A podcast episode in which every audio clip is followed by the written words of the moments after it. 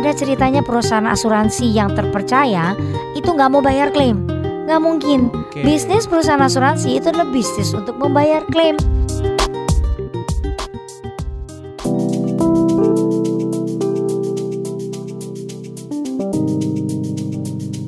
Hai semua, saya Vanuel. Berjumpa lagi di episode keempat dari Better You Better Tomorrow with Sequis. Sesi obrolan seru bersama Sequis terkait life, health, and investment bersama para narasumber yang ahli di bidangnya. Dalam episode kali ini, kita akan ngomongin tentang lika-liku polis kamu. Saat ini saya ditemani dengan Mbak Utami Handayanti, Customer Relations Senior Manager Policy Owner Services dari PT Asuransi Jiwa Sequis Life dan Mbak Felicia Gunawan, VP Head of Corporate Branding, Marketing and Communication dari PT Asuransi Jiwa Sequis Life. Selamat datang Ibu Utami, Mbak Utami dan Mbak Felicia. Halo, you, terima kasih Vanuel. Makasih ya, Mbak udah datang di HKBR.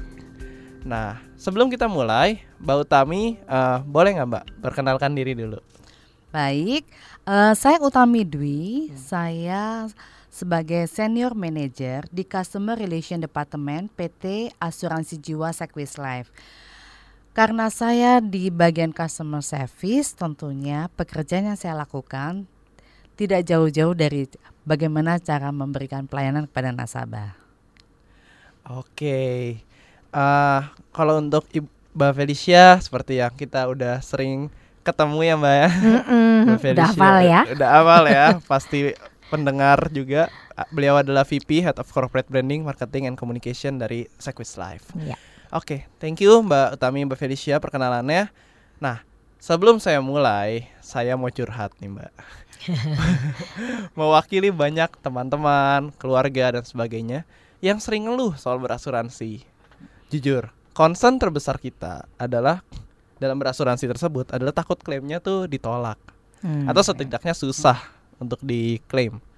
Tiap bulan rekening kita selalu didebet, kita selalu bayar rutin, kita disiplin, let's say. Preminya udah dibayar tepat waktu, tapi pas kenapa-napa, pas kita paling membutuhkan asuransi, eh klaimnya susah. Malah kadang ditolak. Hmm. Itu gimana tuh Bu Felicia, Bu Mbak Utami Hmm. ada yang mau komentarnya gimana? Oke, ini ceritanya baru mulai udah curhat nih ya Vanuel ya. iya, Mbak. Oke, pertama, tama mungkin kita luruskan dulu bahwa yang namanya klaim asuransi itu eh, seharusnya itu tidak sulit, seharusnya tidak sulit dan seharusnya juga klaim asuransi itu sudah banyak kok yang menikmati manfaatnya dan dan nggak seperti yang tadi kamu curhatkan gitu ya. Bahkan baru-baru ini kemarin kami juga baru mempublikasikan dalam sebuah video di YouTube gitu ya, sebuah testimoni yang dengan sukarela gitu dilakukan oleh eh, nasabah kami yang sudah menerima manfaat dari pembayaran klaimnya. Jadi artinya dia happy tuh, dia seneng gitu ya. Jadi sebetulnya kalau curhatan kamu tadi mungkin eh, kurang begitu tepat. Tapi gini, mari kita bahas dulu. Kenapa ada cerita-cerita seperti itu? Kenapa ada beberapa klaim yang akhirnya dianggapnya jadi ribet panjang gitu ya, terus akhirnya malah ditolak gitu ya. Nah, kita lihat dulu kasusnya. Pertama-tama biasanya yang terjadi adalah eh, si nasabah yang bersangkutan di mana akhirnya klaimnya ditolak, itu biasanya terjadi perbedaan pengertian, pemahaman antara si nasabah dalam dia membaca syarat-syarat ketentuan di dalam polis asuransinya maupun manfaat-manfaat yang dia dapatkan. Jadi, kadang-kadang ada nasabah yang berpikir, "Loh, saya kira ini termasuk." Atau Ah, dia iya. berpikir, "Loh, bukannya harusnya begitu." Nah, gitu kan? Betul. Nah, itu karena dia salah memahami sehingga pada saat dia mengklaim terjadilah eh, gap tadi, terjadilah eh, selisih tadi sehingga akhirnya klaimnya tidak dapat dibayarkan. Atau misalnya nih, manfaat-manfaat yang di cover di dalam asuransinya itu dia tidak pahami betul. Jadi pada saat dia melakukan prosedur, misalnya kita bicara asuransi kesehatan gitu ya, dia melakukan prosedur pengobatan, dia tidak mengikuti prosedur yang tepat Oke. sehingga pada saat mau diklaim eh kekurangan dokumen misalnya. Nah, yang kayak Oh, gitu-gitu I yang terjadi. Gitu. berarti sebenarnya masalah pemahaman ini ya, polisnya ya. Betul. Betul, betul. Bu Gitu. Utami, Mbak Ya. Utami. Eh, benar sekali seperti yang tadi sudah dijelaskan sama Mbak Felicia, di mana sebenarnya si nasabah memang harus mengerti, mengerti dulu apa sih manfaat yang dia miliki, manfaat polis yang dia miliki, sehingga tidak terjadi lagi adanya gap atau adanya uh, perbedaan pemahaman antara kita sebagai penanggung sekuis dan juga um, nasabah itu sendiri.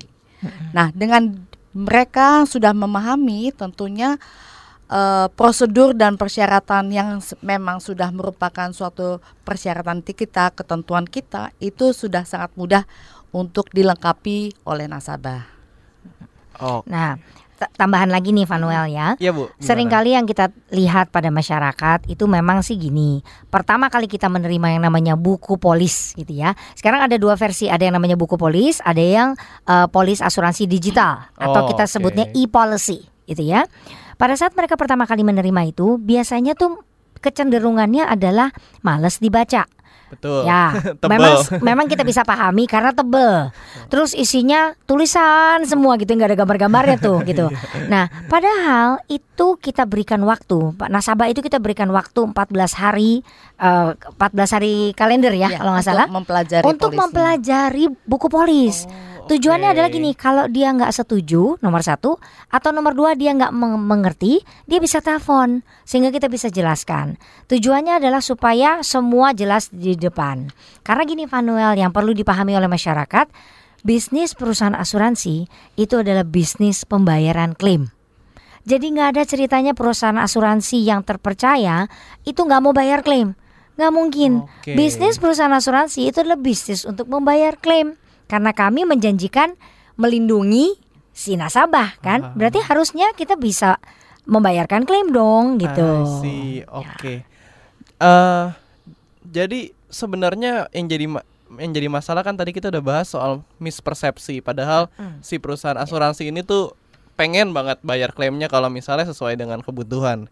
Nah, sebagai nasabah kan tadi kita udah bahas juga polis itu tebel banget ya Bu ya. Hmm. Nah, kalau misalnya kita mau mempelajari polis, sebenarnya bagian apa saja sih yang kurang lebih apa ya paling penting bisa dikatakan paling penting yang perlu kita baca? Kan itu banyak banget mungkin yang kita bisa yang kita harus baca dari buku polis yang tebel itu, Mbak. Aduh, Vanuel, sebetulnya semua yang ada di dalam buku polis itu penting ya. Semuanya. Iya. Nah, tetapi yang harus apa namanya yang harus dimengerti oleh nasabah adalah manfaat polis yang dia miliki, yang dia ambil. Itu apa? Ya. Dan kemudian apa-apa saja yang menjadi ketentuan-ketentuan di dalam buku polisnya. Jangan sampai misalnya nasabah itu dia beli polis tanpa ada asuransi kesehatan.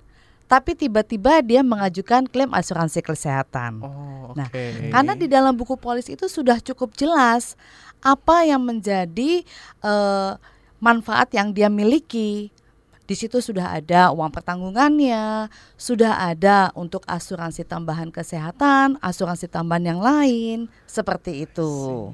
Okay. Mungkin uh, bisa kalau mau dijabarkan satu persatu nih ya, aku bisa bantu, walaupun nggak nggak bisa dibilang nggak panjang gitu ya.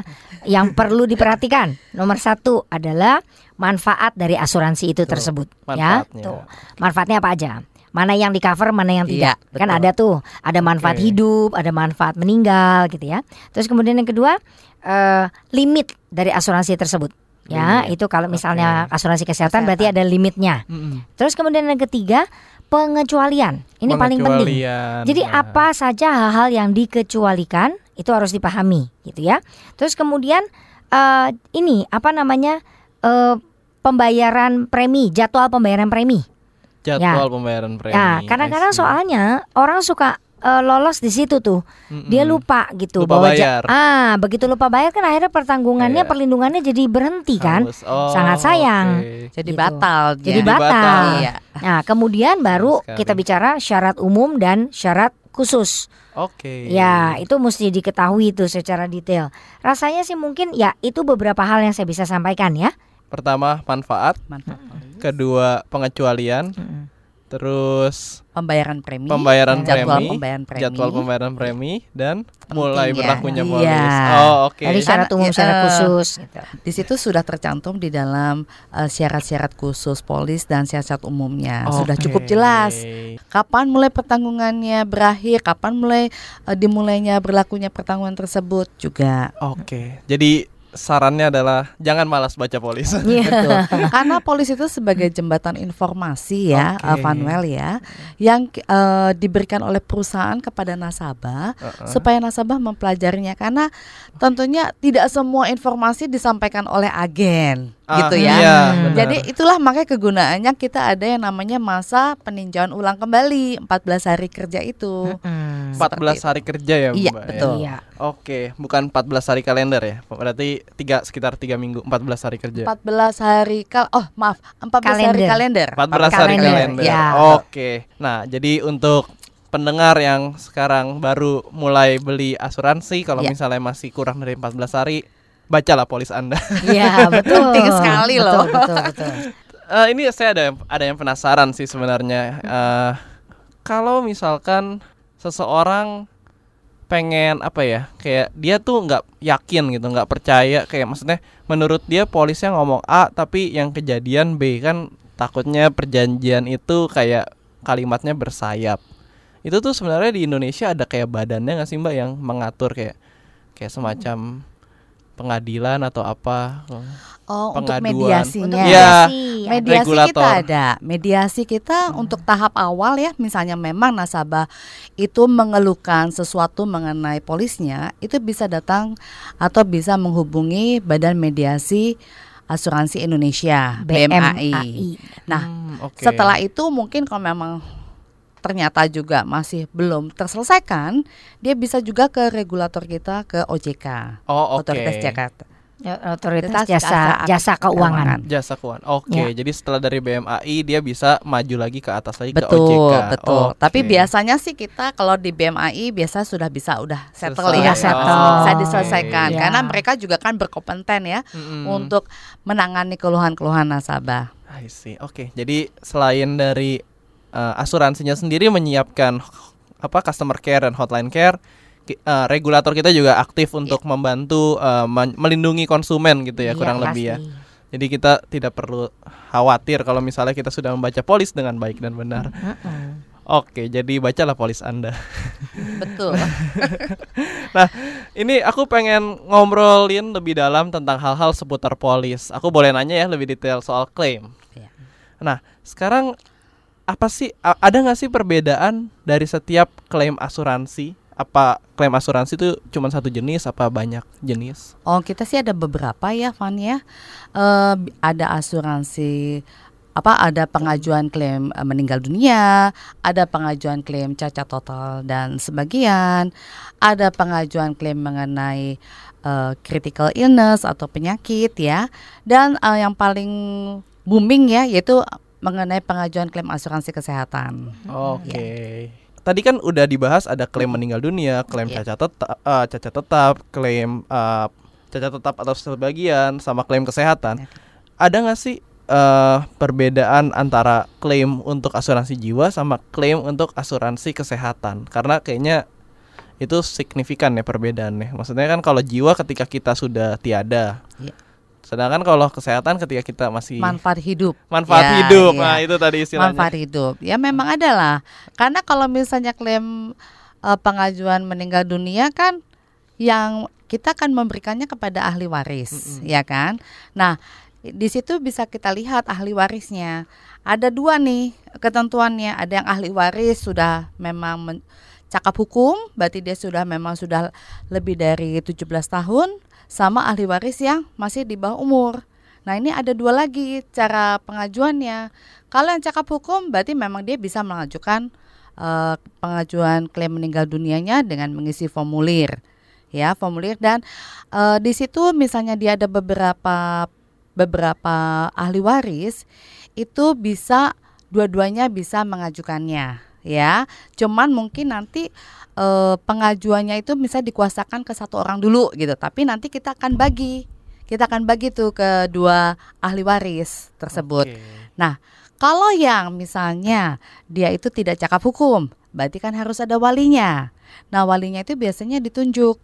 Siapa misalnya eh, tertanggungnya adalah ibunya, misal seperti itu ya. Kemudian eh, suaminya atau ayahnya itu tidak termasuk dalam ahli waris. Nah, dia bisa mengajukan sebagai mengajukan untuk uh, klaim meninggal dunia. klaimnya. Iya, Ya, betul, mencairkan klaimnya. Yang melakukan pengajuan itu yang tadi si suaminya misalnya, Ya, walaupun betul. dia tidak menjadi ahli waris. Betul. Oh, Tapi kan dia kan sebagai uh, walinya. wali dari Iya, si dari ahli si waris anak, iya. yang belum Biasanya- cakap Betul. hukum. Dan biasanya Oh. kan dibuktikan, dibuktikan juga dengan kakak ya, Dengan atau kakak. keluarga gitu. Ah, oke. Jadi nggak bisa ngaku-ngaku saya suami dia. Nggak bisa, harus ada pembuktian yang Oke. Emang kamu Sah. mau ngaku-ngaku harus ada pembuktian yang sah sehingga Oke. baru perusahaan berani membayarkan uang pertanggungan tersebut gitu. Nah, tadi kalau oke. kamu tanya bedanya eh, apa klaim meninggal dengan klaim kesehatan, ya sebetulnya sih ya itu tadi satu ya, tentu saja yang ngeklaim eh, eh, biasanya ahli warisnya kalau untuk yang meninggal. Kalau untuk yang kesehatan bisa dilakukan sama si nasabah yang bersangkutan kalau dia udah selesai sembuh dari rumah sakit misalnya atau kadang-kadang juga bisa dibantu sama eh, ininya ya, sama agentnya kadang-kadang Oh, itu agentnya. ada Iya. kwitansi-kwitansinya dikumpulin gitu terus dibantuin gitu Oh, untuk oke. melakukan eh, apa Pencairan dana. pencairan dana atau bilangnya dana. reimbursement lah gitu. reimbursement. I see. Mm-mm. Bisa nggak sih? Misalnya saya punya dua asuransi kesehatan, satu dari uh, perusahaan asuransi X, satu dari perusahaan asuransi Y.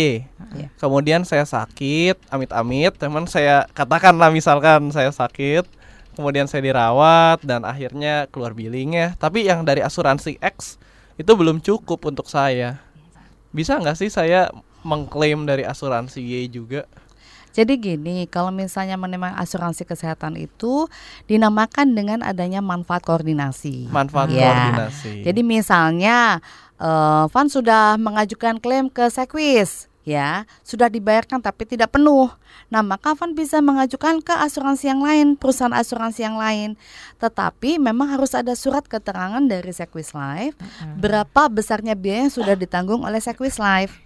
Nah sehingga perusahaan asuransi yang lain itu nanti akan membayarkan sisanya Sisanya. dari perawatan kes- secara keseluruhan. Nah, kalau kayak gitu berarti apakah semua man- semua asuransi kesehatan tuh memfasilitasi hal tersebut? Apa saya harus baca polis lagi kalau misalnya? Pada umumnya manfaat koordinasi di dalam asuransi kesehatan itu berlaku hampir di semua perusahaan asuransi lah kalau boleh kita bilang ya koordinasi Oh, manfaat itu oke. pasti semuanya.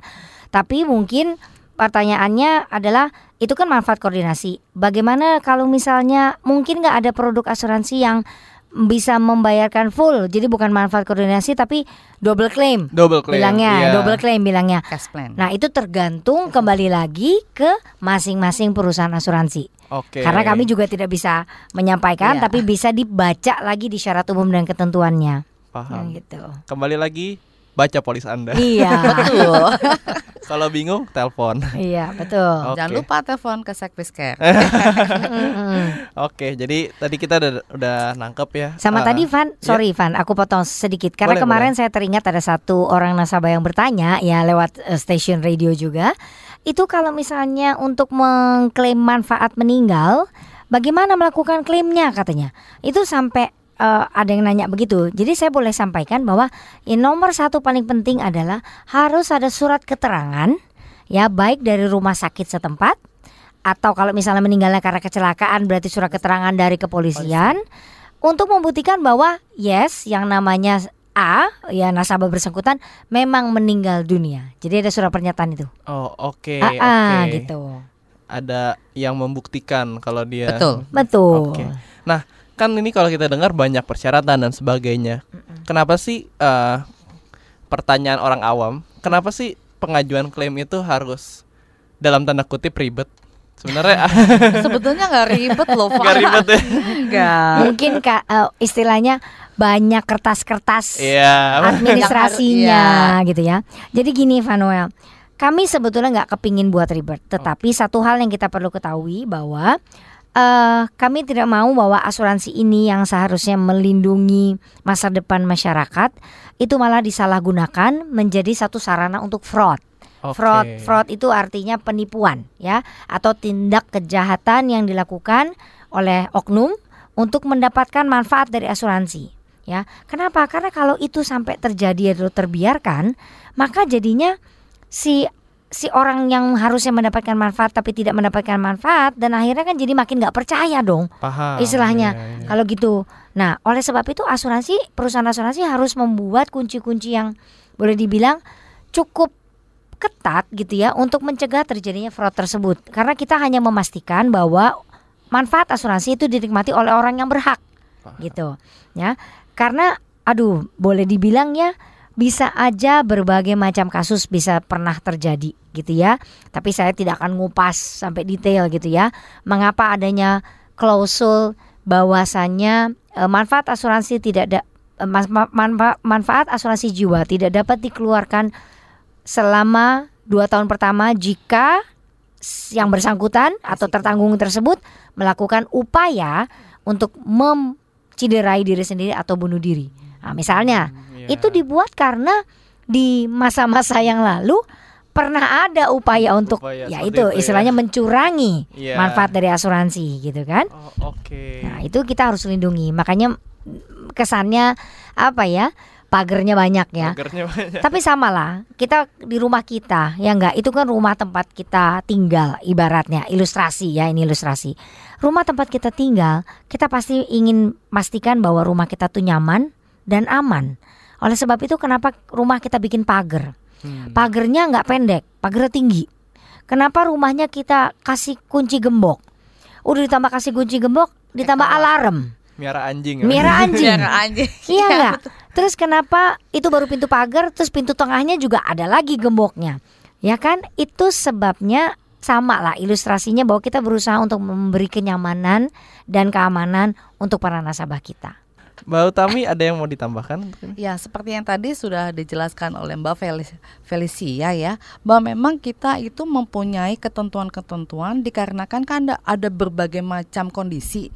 Misalnya nasabah tadi kan ada yang bunuh diri dan sebagainya, lalu perbuatan kejahatan yang sengaja dilakukan untuk kepentingan eh, dirinya sendiri. Terus selain itu juga ada pelanggaran hukum, misalnya dia melakukan tindakan pidana seperti itu. Misal dia mencuri terus jatuh dari Ya iyalah. tembok itu Ya, nggak itu kan bisa di ini. pidana. itu Iya. nggak bisa di Ada unsur klaim. kesengajaan di dalam Oh, situ kan? oke. Ya. Dia melakukan hal seperti itu akhirnya ada akibatnya kan Iya. seperti itu.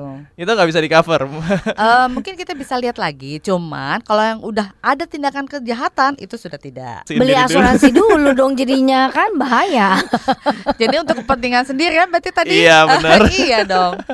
Misalnya kayak apa eh, rumah sakit. Ah ya udah deh, saya cedai diri sendiri Hmm. tapi bisa di cover dengan rumah sakit kan Nah, seperti itu berbahaya. Iya. itu berbahaya oke oke jadi emang sudah dipikirkan matang-matang ya Iya. mbak ini gimana supaya si apa semua nasabah nyaman di dalam proteksi ini ya Betul. tidak disalahgunakan Karena asuransi itu tujuan jangka panjangnya sebetulnya adalah mensejahterakan masyarakat kok. Jadi kita tuh mendukung program pemerintah juga untuk mensejahterakan masyarakat lewat produk asuransi. Jadi jangan sampai disalahgunakan gitu. siap itu eh, kita jadi terbuka pikirannya untuk kenapa sih asuransi itu menggunakan banyak eh, pagar dalam tanda kutip untuk membatasi fraud kemungkinan-kemungkinan fraud Nah, kemudian ini ada pertanyaan juga. Gimana kalau misalnya ada orang yang memiliki pekerjaan beresiko? Misalnya pilot, olahragawan, misalnya patah kaki kan, olahraga misalnya pemain sepak bola. Apakah itu ditanggung juga oleh perusahaan asuransi? Hmm. Kembali kepada eh, penjelasan saya waktu itu ya Van, bahwasanya asuransi itu sebetulnya untuk semua, untuk bisa dinikmati semua untuk kesejahteraan masyarakat seluruhnya. Sehingga kalau pertanyaannya adalah eh, apabila orang-orang yang mempunyai pekerjaan-pekerjaan berisiko tinggi seperti pilot, terus kemudian apa tuh ya pembalap gitu ya, bagaimana dong? Bisa nggak? Jawabannya bisa. Tetapi tentu saja dengan seleksi risiko yang khusus. Oke. Karena dia bukan eh, istilahnya bukan orang kebanyakan pada umumnya. Hmm, gitu. Jadi ada seleksi khusus sehingga biasanya implikasinya adalah harga preminya sedikit lebih tinggi. Paham. Ya, kenapa? Karena ya eh, ilustrasinya begini untuk dipahami oleh para pendengar ya. kalau misalnya orang yang tiap hari di rumah aja, Hmm. gitu ya, kemungkinan insiden atau probabilitas dia meninggal dunia tentu jauh lebih kecil dibanding dengan orang yang tiap hari kerjaannya banji jumping. Banji jumping. Iya iya iya. Iya kan? Dari 10 kali banji jumping kita nggak pernah tahu gitu kapan terjadinya Kecelakaan. kecelakaan tersebut. Nah, tentu saja itu akibatnya maka seleksi resikonya menjadi lebih tinggi. Karena lebih tinggi maka preminya jadi lebih tinggi. Itu kok bedanya. Paham. Jadi asuransi memang buat siapa saja asal baca polisnya. Betul. Iya. Oke.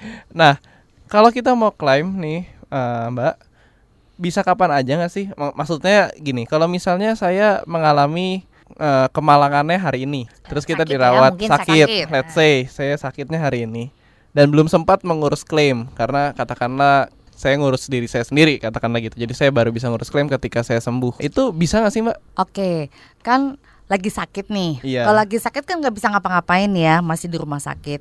Nah, untuk pengurusan pengajuan klaimnya itu bisa dilakukan setelah keluar dari rumah sakit nantinya, yaitu selama 30 hari kita berikan waktu. 30 hari Iya. setelah Keluar, keluar. dari rumah sakit Oke. ya. Ya orang lagi sakit kan dia nggak mungkin dong ngurus sendiri ya kan? Berarti 30 harinya dihitung dari tanggal kwitansi Iya, ini ya, keluarnya ya. Oke. Oke. Oke, kalau misalnya telat nggak bisa. Nah, bagaimana Nah, kalau lewat? Kalau Mbak? lewat begini, kita kan juga tidak kaku-kaku banget ya. Oh, kita kan oke. tanyain loh, takutnya gini dia mungkin lagi karena sakitnya parah dan sebagainya, dia lewat masih Bed eh, eh, masih bed rest lah dan sebagainya. Asal ada kronologisnya, keterlambatannya Oh, dikarenakan oke. apa? Seperti Jadi itu. ada pertimbangan-pertimbangan Iya. khusus yang biasanya perusahaan asuransi berikan lah. Karena kan tujuan kami menolong ya, Betul menolong sekali. masyarakat gitu. Oke. Jadi nggak kaku banget Nggak 30 hari. Ya, ya, selama alasan yang disampaikan itu bukan merupakan Cukup unsur jelas. kesengajaan atau kelalaian gitu ya Iya, dan cukup betul. jelas kita bisa consider lah, kita bisa pertimbangkan. Oke, baik. Emang sebenarnya kalau sampai saat ini kita ngobrolin perusahaan asuransi itu sebenarnya willing untuk memberikan klaim karena emang itu tujuannya Iya. perusahaan asuransi itu ada dan itu sebenarnya produk yang dijual ya, Iya, proteksi itu sendiri. Betul. Cuman kita sebagai nasabah harus aware lah gitu. aware betul dengan uh, segala macam terms and conditionsnya ya. Oke, eh ini ada terakhir nih ya Bu ya. Eh ada pertanyaan yang masuk ke WhatsApp saya sebelum saya tapping nih. Mm-mm. Bagaimana sih cara pembeli asuransi mengetahui apakah sebuah perusahaan asuransi akan berkomitmen dalam menuntaskan proses klaim nasabahnya dengan sebaik-baiknya? Bagaimana caranya? Kita sebagai nasabah Oh, oh, mengetahui. mengetahui apakah perusahaan asuransi yang akan kita beli produknya Iya. itu adalah sebu- sebuah perusahaan yang berkomitmen Hmm. dalam dalam ya menuntaskan proses klaim sesuai dengan ya Hmm. syarat dan ketentuan yang berlaku. Eh, mungkin ini mirip seperti yang kemarin aku sempat ceritakan bagaimana kita menilai sebuah perusahaan asuransi, Sivan. Oh oke. Artinya gini, semakin eh, lama dia eh, perusahaan asuransi tersebut berdiri, eh, semakin tinggi dia am- angka persentase eh, risk based capital atau modal berbasis risiko ya kita sebutnya kadang-kadang disingkat jadi A- RBC atau MMBR, MMBR. Nah, itu adalah kekuatan financialnya perusahaan tersebut.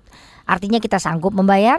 Kemudian juga semakin besar eh, jumlah eh, bia eh, jumlah angka yang tertera di dalam laporan keuangan yang menunjukkan berapa banyak kita sudah membayar klaim selama satu tahun kepada nasabah.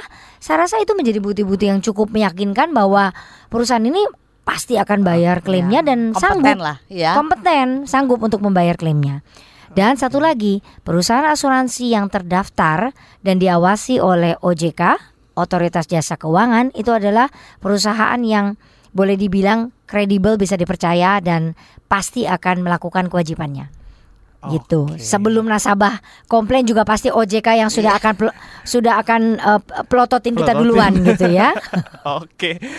Kalau saya boleh simpulkan, eh, tadi kita udah bahas eh, cukup panjang eh, tentang lika-liku polis ini. Mm-mm. Sebenarnya yang tadi saya udah bahas ore bahwa perusahaan asuransi itu memang memiliki uh, willingness untuk membayar klaim karena itu memang produknya yaitu proteksi dan selama kita membaca polis dengan baik, mengetahui terms and condition dengan baik, uh, seharusnya proses klaim ini uh, aman ya Mbak ya. Mm. Apalagi dikasih periode 30 hari sebelum seseorang bi- apa hangus gitu. Eh, maaf, bukan hangus. Setelah seorang itu keluar, Keluar dari dari rumah rumah sakit, sakit, ya. atau sebagainya. Dan juga uh, kita juga udah dibekali dengan cara bagaimana kita memilih perusahaan-perusahaan yang tep yang berkomitmen kan Mm-mm. untuk uh, berkomitmen dan mampu untuk membayar klaim seperti kinerja keuangan, lamanya dia berdiri dan juga sudah diawasi da- terdaftar dan diawasi oleh OJK yaitu regulator kita. Terima kasih banyak Mbak Utami, Mbak Iya. Felicia atas waktunya. Sama-sama sama-sama. Vanuel. Thank you ya. Ter- simak terus episode-episode terbaru dari Better You Better Tomorrow with Sequis di aplikasi streaming podcast favorit Anda, terutama KBR Prime. Bye. Bye.